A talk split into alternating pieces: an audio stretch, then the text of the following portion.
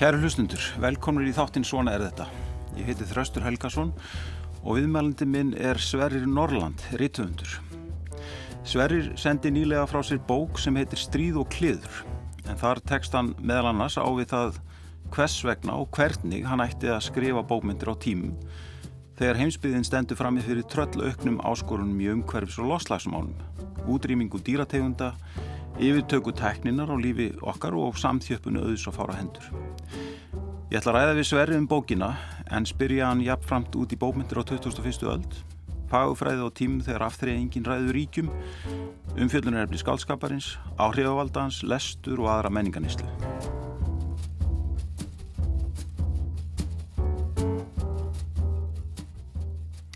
Sverri, velkomin í þáttinn. Já, sælur bara sér, takk fyrir að fá mig.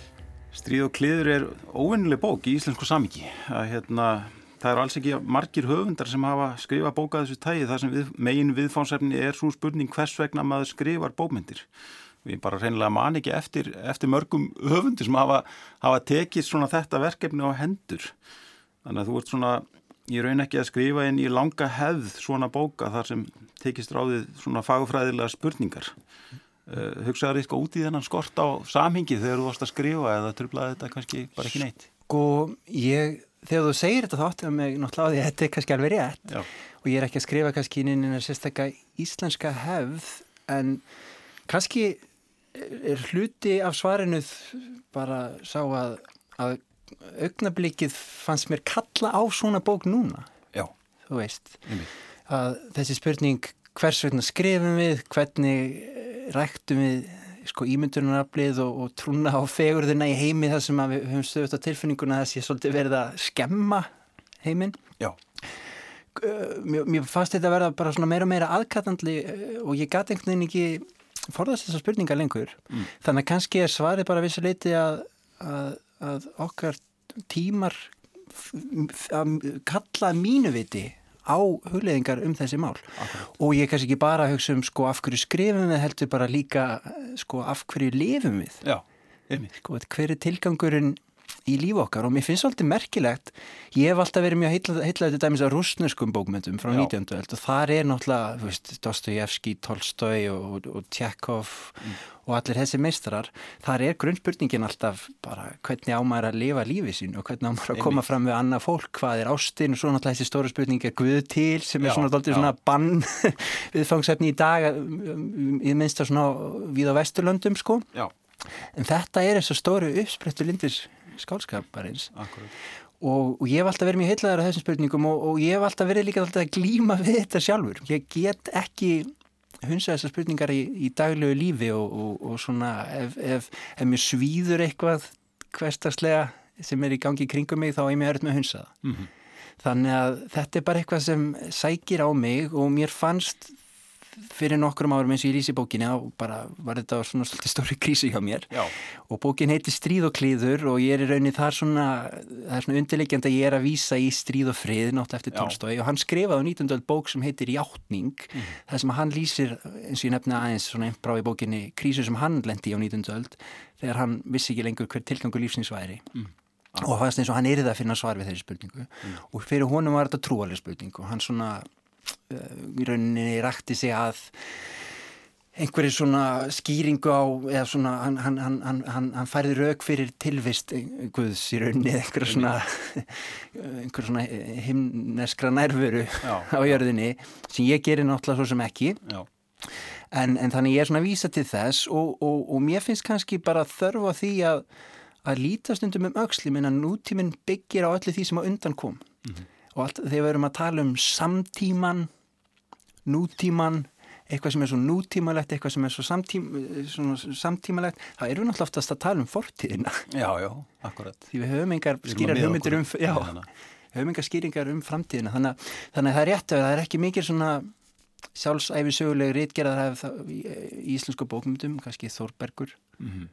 ég meina, breyf til ári, ég hef svo sem ekki tugsað þetta, en það er einhvers konar svona bók sem verður til kannski úr einhverju sjálfskapakrísu hjá honum. Já, einmitt. en, en, og svo hafa fleiri verið að skrifa svona sjálfsæfisögulega rítgerar og síðust svona setni tímum aðeins Andri Snær, Bergur Ebbi og einhverjur Já, Otni Eyr í rauninni svona dagbækur, dagbækur. En, en nei er... En ég held að sko viðtöku bókarinnar sem hafa verið alveg frábærar uh, svona séu til vittnis um að þetta eru svona mjög kærkominn skrif. Það sem sé að ég held að svona bækur sko hjálpi ekki bara sko lesendum heldur líka bómyndunum sko það sem að verið að sko uh, svona að finna sér í samtímanum finna hlutverk og Já. sinn stað sko. Það er, það er sko uh, og eins og þú segir þú lendir, þú lendir í einhvers konar krísu og skrifar þess vegna þessa bók. Mm -hmm og en svona þessar fagufræðilugu pælingar sko eru held ég svona eitthvað sem að er mjög þakklátt umræðið eftir núna. Já, og vandar held ég inn í, inn í bómda umræðina Mér finnst það vanda og ég held að margir upplifið sér sem hálfgerð svona reykvöld í þessum samtíma okkar. Já. og ég held sundum að, að það megi kannski minna á það að, að sko samfélag okkar náttúrulega eiga að snúast um okkur mm. fólkið sem byggir borgirnar okkar, heiminn okkar en ég held að margir hafa tilfinningunum stundum að við höfum ekki full stjórn á tækninni, vinnu, umhverfinu mm. svona alltaf lostasbreytingunum og, og öllum þessum klið og allir því sem er að gerast, við heyrum jáfnvel ekki í okkur sjálfum, sko, við heyrum ekki einhverja svona innri rödd að því við erum alltaf að skoða síman eða þú veist, við erum eitthvað alltaf tætt. Já. þannig að ég held að já, það sé mjög heilbreykt að spyrja þessara stóru spurninga. Einmitt. Og... Að, þú, þú ert beinlýnins að fást við einmitt stóra spurningu hversun að skrifa ég mm -hmm. og þú fyrir, vittnar í fræg umali uh, þýska fæðafræðinsins Adorno sem miða síðustu öldum að hryllingur setni heimstýraldurinn hafi gert mennum ókleift að fást við skáldskap mm -hmm. bara hvers vegna að skrifa ljóð eða yrkja ljóð eftir ásvits mm -hmm. svona þessi svona e, en sko en spurningin sem blasir við segir að séu jáfnvel enn starri hvernig skrifum við skáldskap meðutuð um þann svona alduða sem við höfum kallað yfir lífriki jarðar. Og, og, og þú veldir til dæmis fyrir þér sko áhrifum hérna uh, sem sé svona uh, loftlags uh, mála og, og svona þessar þú kallar þetta helfur eiginlega uh, lífríkisins mm -hmm. á hugarflýð og það, það, það er eiginlega eitthvað svona kjarni í bókinni. Já að þú ert að fást við sem sé í raun og veru bara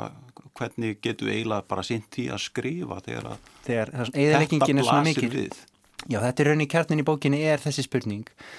Uh, sem sagt uh, hvaða áhrif hefur þessi þróun annars vegar þarna í rauninni þessi mikla helfur sem við höfum háð lengt og óljóst og mér fannst sko gegn lífriki jarðar og mér fannst þessi líking Eh, sko, mér fannst ég geta réttlægt hann að ég er svo sem ekki að líka því sama helfur eh, nazista gegn gýðingum og, og, og, og helfur okkar gegn lífríkunu mm -hmm. en ég held hins vegar að mörgum nazistum hafi ekki verið sjálfrátt mm -hmm. ég svo sem fer ekki djúft í þessar hugleðingar í bókinni, mm -hmm. ég held að þeim hafi ekki verið sjálfrátt ef þú fer frá því að vera fimm barna fjölskyldufæðir og svo nokkru yngur síðar ertu allt í eina mörka lífið og lillum börnum í útrýningabúðum ég meina þarna hefur verið gerst eitthvað sem við getum bara ekki skilið Já. og þetta er að samirunni við getum hunsað sko uh, verksmiðu framleyslu á dýrum útrýmingu vistkerfa og náttúrulega allir skóatnir sem eru að hverfa mm. þó að fólk sé farið að berjast gegn því að endurheimta á einhverju leiti mm. en, en já, þessi spurning var sko hvað gerist bara innra með okkur hvað verður um ímyndunaraflið sem hefur alltaf verið svona einhver svona lofsöngur til ríkidæmis jarðar? Já, þegar við skerum það svona gróflega og svona hratt niður og raunir stöðlum bæðu umhverju okkar malbyggjum allt og, og, og byggjum hús sem eru rauninni ekki einhvers konar lofsöngur til fegurðarinnar eins og ég meina að þú skoðar arkitektur fyrri alda og berðan saman við svona nýjustu byggingar Já. heimsins þá er svona sláandi fagufræðilegu munur þar á. Mm sem hlýst nú kannski líka því að áður var vinnuafl kannski í, í þrælkun en við skulum ekki fara út í það heldur.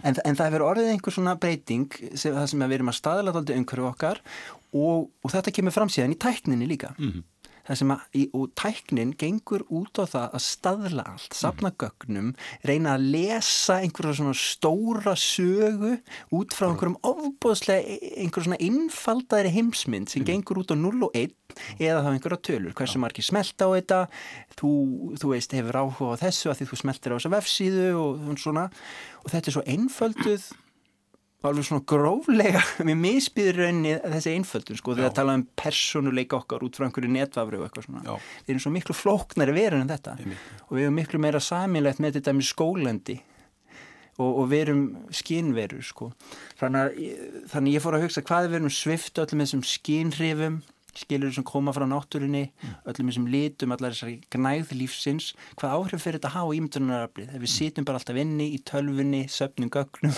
og svona en þess að má ekki miskilja það að, ég segir raunin að náttúrun sé uppspretta ímyndunarafsins en og, og hún er það þetta, mm. náttúrun er uppspretta lífsins Já. en ég er samt ekki að segja að við sækjum ekki innblástur í borginnar okkar eða, eða allt sem gerist þar Nei. þetta er ekki svona einfalt Nei.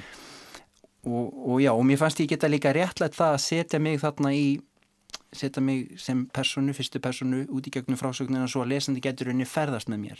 En ég laði mikið á mig um að predika ekki og þetta er ekki einhver svona einhver, einhver vaðall ungs manns í einhverju krísu að því ég held að svo margir samsvari sig við þessa upplifun, Mhm. þetta valdaleysi. Akkurat. Og, og það var einhvern veginn svona réttlæning mín á því að nota svona sjálfsæfislegu brot og leifa fólki að ferðast með mér í þeirri von að aðrir skinjuðu eh, sko sömu líðan, sama ástand. Og, og, og mér finnst það, ég hef fengið þau viðbröð frá fólki að, að þarna er einhver svona samhljómur. Akkurat. þetta var dálítið langt og flóki svar við Já, en sko stríðið sem þú talar um í, í tilli bókarinnar er, er sem sé stríðið við breytingarnar sem, að áláslægin og lífríkinu en, en svo er í tillinu líka talað um kliðin eins og þú nefnt Mhm. sem er eiginlega anstæða þá friðarinn sem að Tolstóð er með í sínum. Já, já, og já, það er sem sé, sko, þar er þá önnur ógn við ímyndunaraflið eins og að tala um. það er þessi tækni áþján og þessi svona tætingslega tilvera. En ég til dæmis finna hjá sjálfur mér að sko, ég fyrir út að hlaupa eða lappa og þá er ég ekki með heyrntóli mín, ég hlusta mikið á hlaðverp og svona og, og, en ég bara farin að gera það, gaggjart að gera það ekki til að fá frið. Að því ég þarf friðin til að hugsa Akkurat. og fá hugmyndir og vinna úr því sem ég er að gera. Og ég finn það bara þegar það er mikið áriti álit, og álag á mér þá, hnignar sko, ég ætla ekki að segja já, ég get svo sem sagt ímyndunaraflinu eða bara heilastarseminni hjá mér, ég fæ færri hugmyndir Já, og ég svo margi kannistu við það Já, og, og þú veist, þetta er svo, svo augljósir hluti, þannig ég er henni bara að minna á líka að það má alveg leifa sér það að taka sér pásu frá þessu öllu. Já, já. Hverju. Og, og við erum öll að reyna að fást við einhverja núvitund og jóka og allt þetta Já. og fá einhverja ráðgju og svona. En þetta er ekkit, endilega þarf ekkit að vera svona flóki, ég meina bókmentir eru hugleisla. Þú situr og lest bók og ef það er bók, pappisbók, það sem ekkert blikkar í hotninu, skilur einhver tilkynningum nýjan tölvupóst eða eitthvað svona, þá, þá er það hugleisla og frí. Þannig að, já, mér, mér fannst ég svona að þurfa að nikja á eh, því að þetta, þetta tengist allt, þessi, þetta stöðu áriti og þessi eyðilegging og, og, og, og, og þetta hefur saman áhrif á í rauninni líðan okkar, andlega líðan og ímyndunaraflið. akkurat Við erum svolítið forunilegður, það er hérna kaplið það sem þú nefnir fjögur megin umfjöldunarefni hérna Já, í bókmenta á síðustu, síðustu öldum og, sláandi einföldun. Já, en- það er bara mjög skemmtilegt vegna þú, það er sem sé Guð Já. sem dópar á 19. öldinu Já, sem já. þú varst að nefna Já, já, í og við erum eiginlega hægt að takast á við það. Og, og svo er náttúran sem að er, þú veist, sem að hérna, er eiginlega hverfa eins og þú segir. Já. og, og Já, náttúran í þessum gamla skilningi sem er í rauninni svo skilningur sem við höfum ennþá, sem er, sem er svona einhver svona viltur sjálfstæður heimur, svona utan við okkar sko áhrifa svæði eða veraldafafstur að því að við höfum alltaf þessa hugmyndum að náttúran sko, hún fer fram í öllu sínu veldi einhvern veginn já, og er þarna einhver staðar. En það er í rauninni ekki þannig lengur á jörðinni.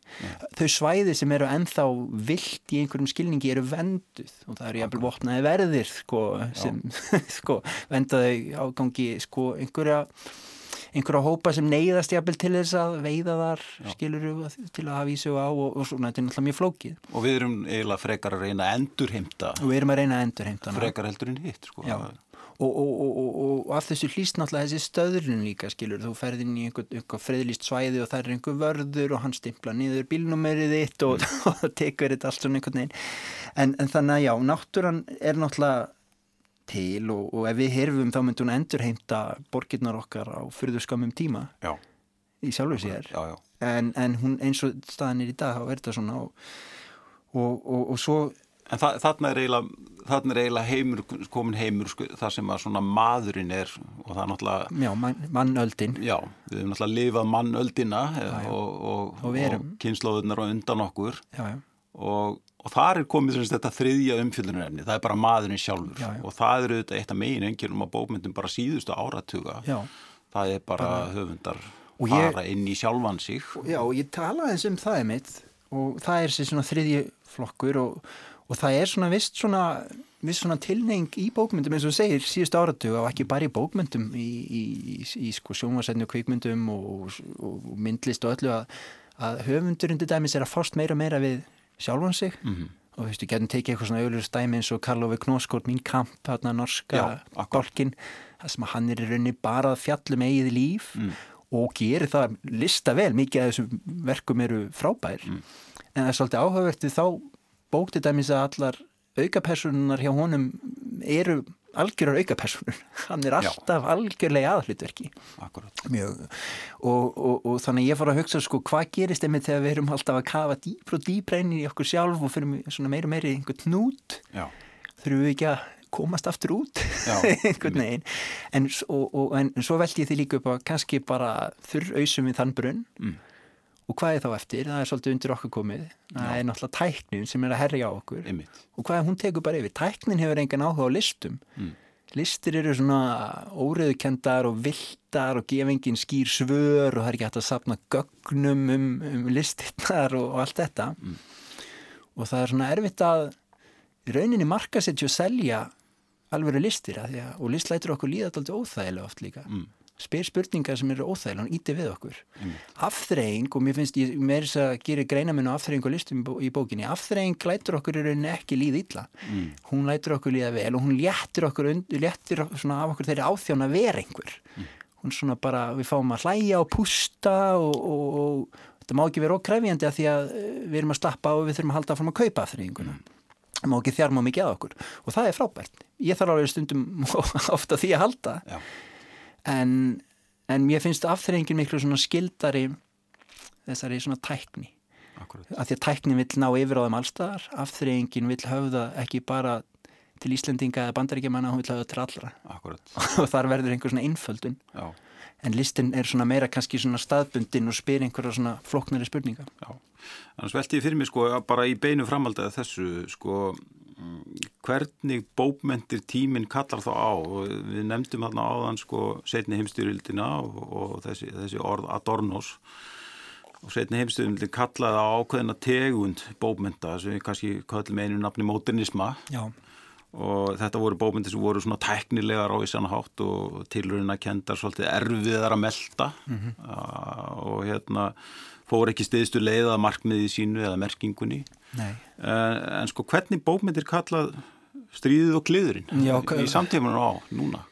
Það er kannski mjög erfið það er spurning náttúrulega frábær spurning. Já, hvað, hvað er það erfið. sem að Hva, hvernig bókmyndir þörnustið já, er bókmynda ég, hérna, ég hugsaði sko ég held að svarið við þeirri spurningi er, er mjög markþætt og ég þurfti helst að, að flý út í sveit og, og einangra mig í nokkra vikur og ég geti svarað í hérna, til hlítar. En eða, byrjaði að svara því einhvern veginn en, en ég, held, ég hugsaði þetta dæmis mikið um þetta vandamál með og ég impraði þess að því bókinu með loftlagsbreytingarnar að því að það vandamál er svo stórt Mm. að það að vill svona, það, mann finnst þess að smætti einstaklingi niður í ekki neitt Mm. en, en hva, hvernig virkar sögur? Jú, þær eru einstaklingsbundnar Mm. og, og, og við höfum sérstaklega á Vesturlöndum og það er náttúrulega ég tala helst um get helst talað um bókmyndi Vesturlanda því að ég þekki það er blank best. Mm.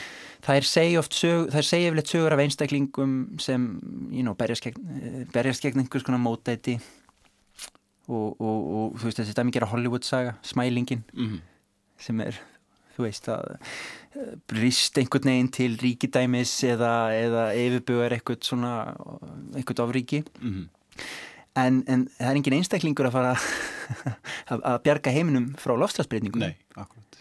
Þannig að, þannig að ég var lengi að velta fyrir mér af hverju rithöfundar og fleiri var ekki farin að skrifa sögur sem tækist á við þetta. Já. en það er farið að gerast núna. Já, Kim, Stan Kim Stanley Robinson er bandarískur höfundur sem gera Richard Powers er annar og svo er Maja Lundi, hún er norskur höfundur hún er verið þýtt á íslensku. Já. blá og þarna saga bíflugnana Akkurat. Og þar er verið að stilla einstaklingum upp bæði í, í kannski nútímanum og svo í fram, framtíðinni og, og sína hvaða áhrif breytingarnar hafa á bara daglegt líf einstaklingsins. Og það er opaslega stert en, en til að svara þessu svona fagufræðilega og, og, og svona við erum meira að hugsa um form og struktúr bókmynda og, rött og eitthvað þannig þá held ég að bókmyndir megi áfram spyrja augrandi spurninga, þær megi að vera svo litið kræfjandi Mm. En það þurfa líka held ég kannski að hafa eitthvað svona hafa eitthvað erindi til, til okkar. Þú, þú veist svona einhvern svona eitthvað sem er, að því það eru svo stórar og aðkallandi spurningar. Mm. að, krísan hjá mér, hún lauti tæmis að því sko að má ég loka mig af inn í herbergi og, og spinna upp einhverja ástarsögu um einhver svona einstaklingsmiðu vandamál til dæmis tvekja ungmenna? Já, og, og bara hunsa allt það stóra sem er að gera má Já. ég gera það? já, Og þar var þessi, þannig misti ég svona einhvern veginn trú, sko, trú, trúna eða samfinninguna um að ég mætti fást við þetta Já. en svarið er náttúrulega já, við megum gera það Mhm. það sem einkennir okkar er við segjum sögur en og, og, og við, ef við hættum því þá bara er þetta allt einhvern veginn fyrir bí hjá Mhm. okkur en, það- en, en ég held að það skiptir líkilmáli hvernig sögur við segjum. Já, og þetta er kannski það sem er að gerast núna. Við lifum náttúrulega mjög spennandi tíma. Og það er verið að endur skoða hvernig sögur við segjum um allt. Um, um samskipti kynjana, um samskipti sko nýlenduherra við, við, við, við, við þjóðir sem, eða svona einhver þjóðabrot eða minnilutahópa og svo kannski núna um, um samskipti okkar við náttúruna. Já, um, hvaða sögur við að segja um mannin í, á, á þessari jörðu? Mhm. Þar sem við hefum yfirtekið allt í rauninni sko, fangelsað allt vilt líf, ég held að þessi 4% lífmassanum á jörðinni eru vilt dýr í dag, það er ekki hátt hlutfall. Já. þannig að hvaða sögu ætlum við að ferðast með inn í framtíðina af okkur? Og þetta er aldrei stór flókin spurning sem ég get ekki svarað. En bókmyndir þurfum einhvern veginn að halda svolítið á- Að glíma við hana. Já, og þær þurfum að halda fram að segja sögur um einstaklingar svo að við getum fyllt höfundunum eftir og haft áhuga á þeim. Mm. En einhvern veginn þurfum við líka að setja okkur í spór já. dýra.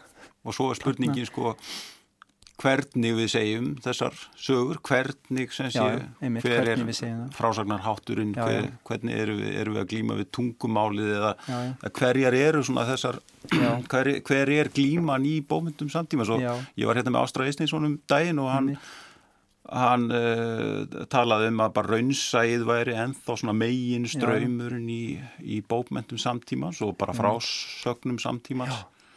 Uh, ertu sammála því? Það, það er kannski eiginlega bara blasir við að, Já, ég held að það sé rétt en svo er náttúrulega myndi einhverju benda á að, að svona vísindaskálskapur við hefum náttúrulega lofurð vísindaskálskap bara eins um, um, um, um einhverja svona einhverja svona þóturreifla eins og bakbóka það sem við getum flóið milli staða eða einhver svona geislunar hlið þar sem við getum flakkað skiluru á milli, mi- mi- milli staða með, með ít og eitt takka eða, eða, almenningur ferist út í geim og allt þetta, þetta er náttúrulega ekki ræst nei, nei. Það einu sem við höfum fengið er bara við höfum samþjappað öllum uppfinningum okkar inn í einhvern eitt lítið tæki sem títrastöðt í vasanum á okkur.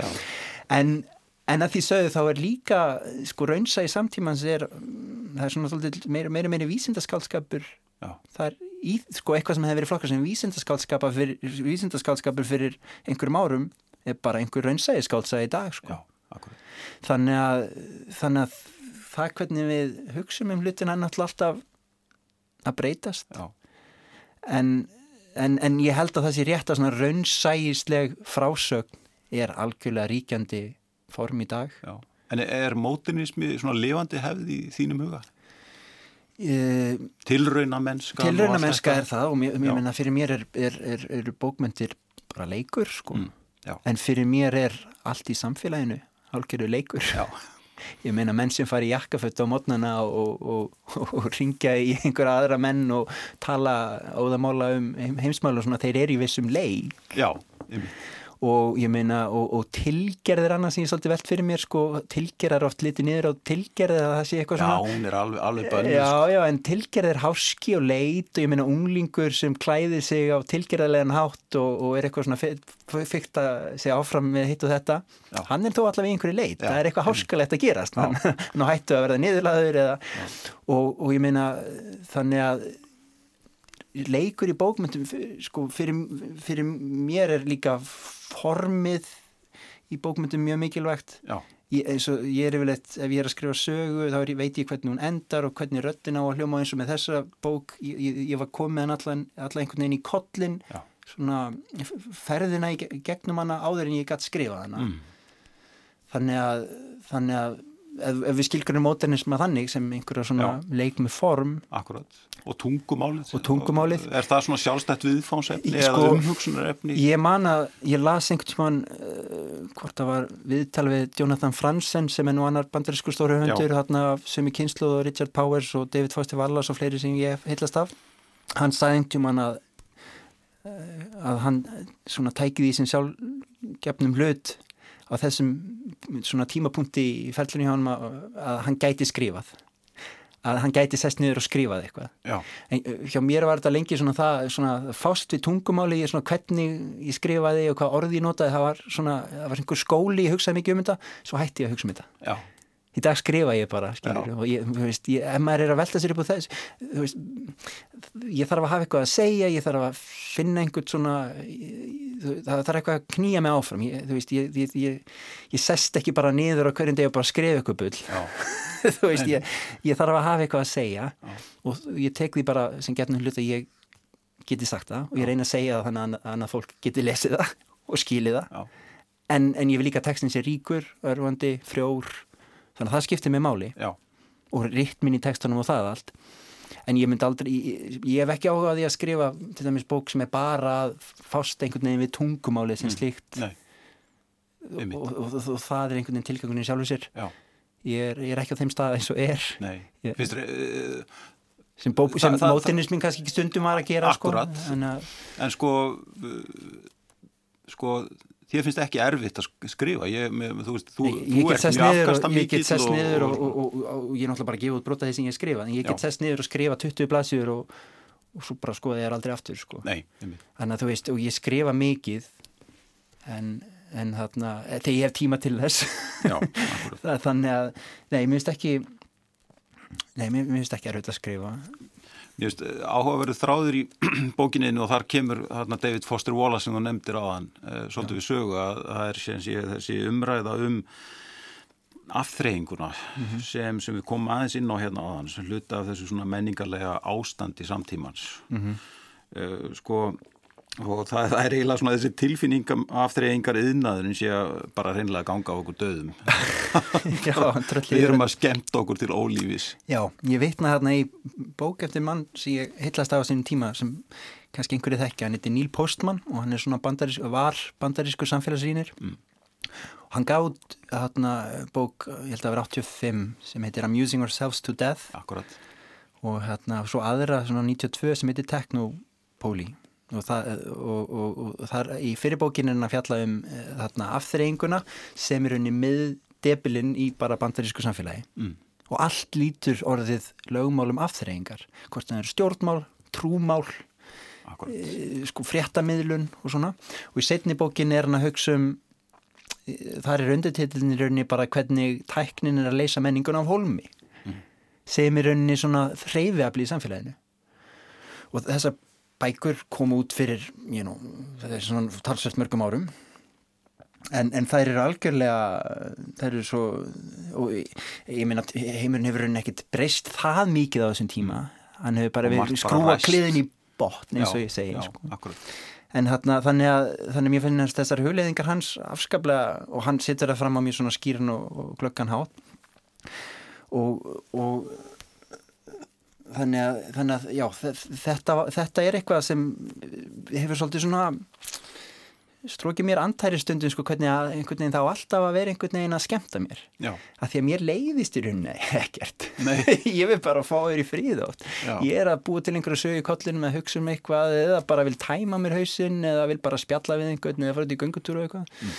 ég þarf í rauninni ekkert ofta á þessu að halda og ég lýsi því líka og, og kannski finnst sumum það hallærislegt eða tilgerðarlegt eða, eða trú ekki á það en ég held að margir samsværi sér við það. Að, ef ég lendi því að ég er á YouTube eða, eða er að horfa á einhverja þætti og, og Netflix eða eitthvað og ég missi einhvern veginn stjórnina. Þú veist þannig að það, það líða einhverju klukkutíma og ég er byrjað að horfa eitthvað eitt myndband af Joni Mitchell en er allt unni farin að horfa á einhver, eitthvað allt annað undir lokin Mm. og, það, og svo rekki út úr þessu ástandi og mér líður mjög illa, mér líður eins og ég hafa aftengt sjálfur mér Já. og það er þetta sem ég finnst einhvern veginn óþægilegt Já. Ég að rökk úr tengslu við sjálfur mig Akkurat. Það eru teknin og, og einn margum talaði algoritmi, Já, já. búin að yfirtaka þína. yfirtaka mig og, og komin einhvern og veginn inn í hausin á mig Já. fann að segja við mig þú er áhuga á þessu, þetta finnst þið skemmtilegt og að vissuleiti er það rétt að því ég held áfram að sko innbyrða eitthvað efni Akkurat. en svo þegar það er sko og þess vegna ég, ég er ekki haldin neittni fortið þrá heldur þó að stundum orkið það kannski þannig á suma en að vissuleiti sakna ég þess að sko einhver þáttur sig í sjónvarpinu klukkan 6 Mm. ég misti af honum það er bara þannig Já. Eða eh, svona línuleg dagskrá eða, eða bara spólur Mm. og eitthvað svona, svona, svona einfaldari heimur og þá geta einhver satt á móti að þú verður bara að bera ábyrða þér og takast á við þetta, þetta er bara svona, þú verður að sína sjálfs bara svona ábyrða á þessu og það er alveg rétt, Mm. en ég dáist að fólki ef, ef bara hinn almenni borgari gerir það hefur þessa miklu sjálfstjórn Já. og ég veit um dæmis í David Foster Waller sem setni tíð gati ekki átt sjónvarp að því að hann kveikti á sjónvarpinu og bara sjónvarpi bara gleiftan og þekkja þetta ekki allir? Já. ég meina, ég er með síma minn og ég er alltaf að gæjast eitthvað slekka á öllum tilkynningum, samt er ég alltaf að gæjast. Ég viðkynni það, ég er bara algjör fíkil hvað þetta snertir, Já. en það örvar þetta einhver, einhverja heilastöðvar sem hérna sem, sem, sem tengjast fíkn alveg svo bara önnur fíkn þetta er bara sama En heldur að, segjum bara eins og eh, Netflix og frásagninnar þar sem, að, sem eru svona drifnar áfram af svona raunsæis í raunveru kröfu eða svona þeirri, þeirri svona frásagnar aðferð. Mm. hefur þetta áhrif á það hvernig til bókmyndinar eru að þróast? Hefur þetta áhrif á það hvernig þú segir sögur? já það er líka mjög góð spurning það er eitt sem ég hef tekið eftir ég veit ekki hvort að svarið þessu beint en ég, það tengist í allavega. Ég held að sjómasætni og kvikmyndir og sérstaklega kvikmyndir fyrir eins og mína kynslu þá sem alast upp með því formi 90 mínútur, 2 klukkutímar línuleg frásögn. Uh, og, og, og svo núna í auknum mæli allir þessi miðlar, samfélagsmiðlar og það allt, ég held að þetta hafi áhrif á það hvernig við segjum sögur til dæmis að það, það verður algengar að höfundar skrifa í nútíð. Já, en bókmyndir eru náttúrulega akkurat. gerast í fortíð. Já. það er verið að lítum öxl og, og velta vöngum yfir því liðna og, og gæða einhvers konar merkingu. En það er mjög erfitt að gæða frásögn sem skrifur í nútíð merkingu. Fyrir mér er sko nútíðin eh, hún er svona eh, hún henda vel til þess að lýsa því sem er að gerast núna eins og í Íslendingasögunum. Það er verið að vega einhvern og þá skipti yfir í nútíð oft. Eða hún er svona slapstick og húmor. Mm. Það er gott að skrifa grín í nútíð en uh, í þáttíð þá verður grínið oft of einhvern veginn harmrænt sem getur enda verið ágætt líka. Já, og ég hef bara tekið eftir þessu og þetta er algengt að, og, að ungir höfundar og sannlega ég skrifi í nútíð í fyrstu personu. Skrifi um sjálfan sig núna. Já, já. hér er ég að skrifa bók. Já. þannig hefjast marga bækur. Akkurat. ég veit ekki hvort að þetta sé eitthvað sem tengist bara því hvernig við upplifum heiminn og hvernig við fáum hvernig honum er streymt til okkar Einmitt. en, en, en, en, en, en, en, en þetta er náttúrulega bara einhlið á þessari spurningu er ég, Já, en, en getur ykkur neginn, nærði ykkur neginn utanum svona á ströma og stefnur í bókmyndum samtímas, íslenskum bókmyndum núna? Finnst þeir ykkur svona ykkur að línur einhverjar, sem þú getur, sem þú sérð já þegar ég, þú horfir í kringu þig? eitt í dæmis er náttúrulega það er skáldsagan er enda mjög sterk hérna Mm. Að mikið skrifa skáldsögum. Mm.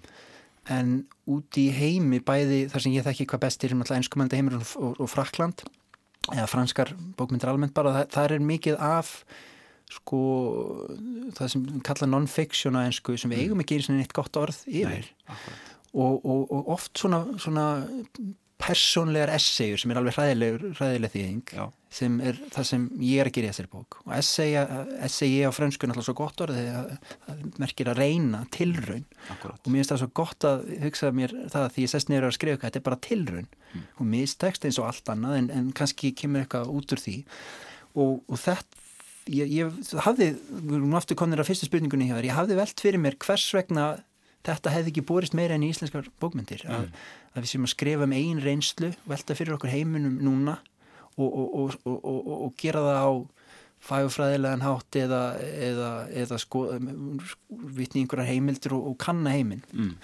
en einhverju leiti líst ég, ég veit ekki hvort það hljótist af smæðinni. Mm. við erum náttúrulega mistarar æfisögunar þannig að ekki ætti það nú aftur okkur. En, en þannig að en, en ströymar, ströymar hér ég, ég, ég er mjög erfitt með að mér finnst við á svolítið svipuðu stað og bara fyrir 20 árum sko, það var náttúrulega gullöld íslensku skáldsögunar hefur staðið yfir svolítið lengi. Einmitt. það er allir fyndna kynsluðin svo kalla allir að skrifa skáldsögur margir sem hafa áhrif á mig. Einar Már og Steinun Sigurðardóttir og, svo aðrir, kannski helst smásagan Þóran Eldjárn og allir þessir sko. Já. bara Jóla síðan koma á eftir og svona það er náttúrulega búin að upplifa alltaf svona gullaldar skeið í íslensk, íslenskum skáldsannaskrifum og svo koma fleiri og fleiri yður af á Sigurum Pálsdóttir Mm. og, og, og svo yngri höfunda núna. Við erum ennþá aldrei þarna, finnst mér sko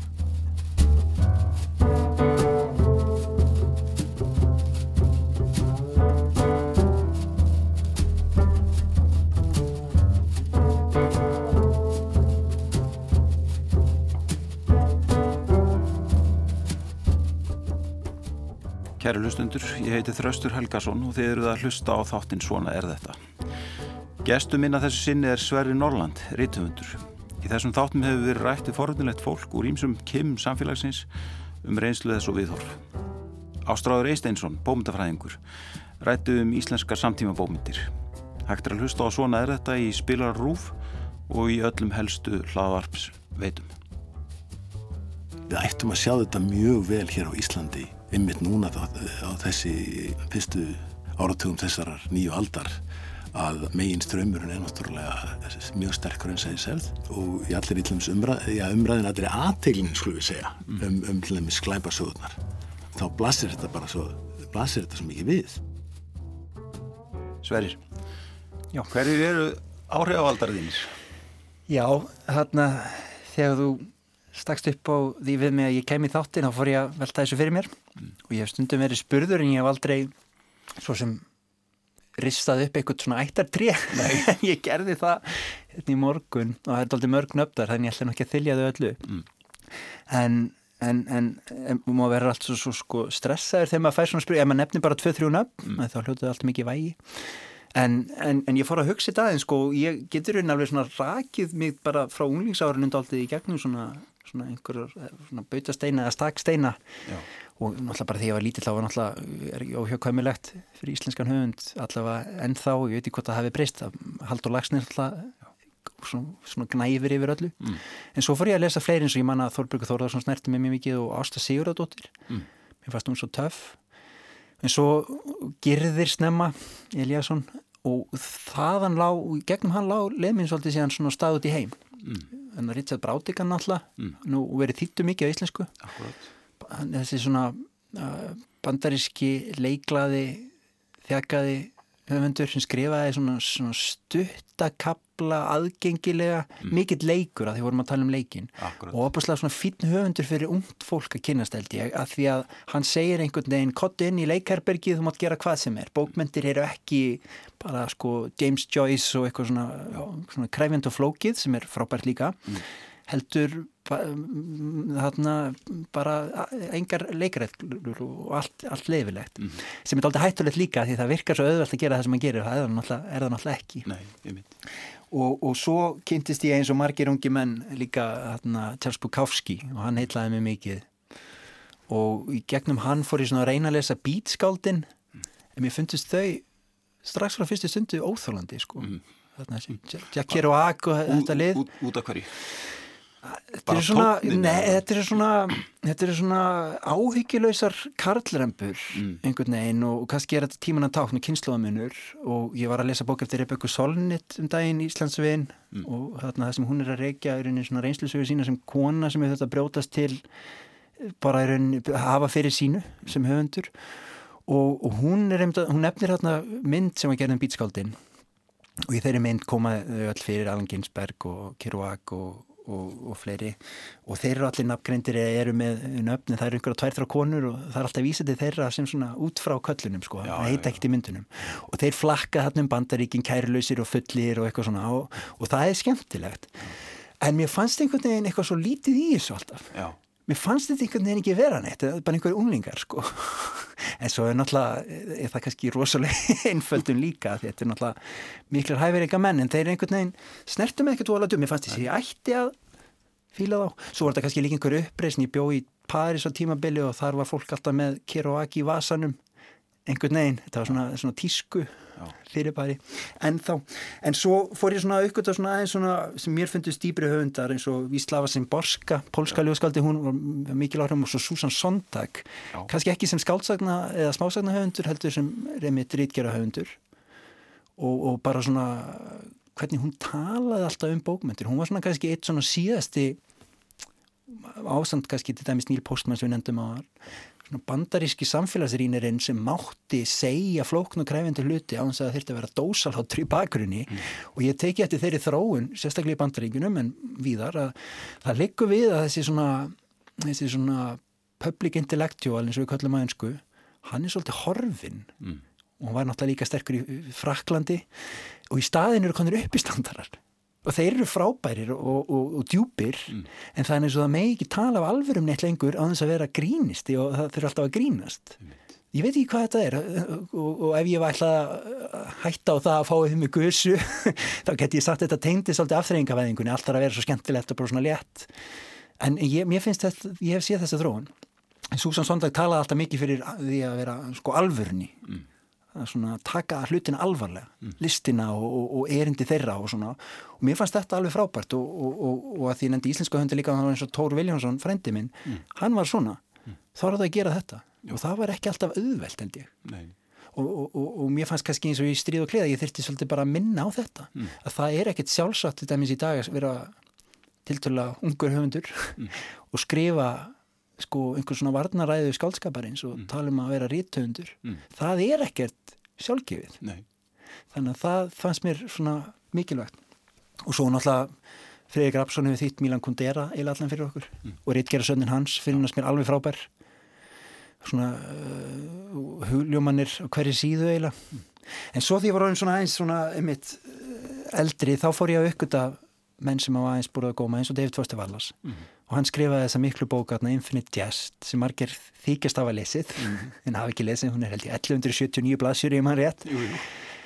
en ég hef lesið hana og hún er óþálandi, hún er alltaf svo laung og flókin en, en þar er hann að fjallaldæmi sem afþreyinguna og, og þar kemst í dreifingu kvikmynd sem er svo skemmtileg að fólk getur ekki hægt að horfa á hana og vestlast í raunnu þornar upp sveltur í hel. Þetta er svo ómöðstæðilega eftirringa hún bara dreipur fólk. Og hann er náttúrulega, ég veit ekki hvort það sé viljandi að vitna í Neil Postman hann Amusing Ourselves to Death. Fólk bara skemmti sér í hel.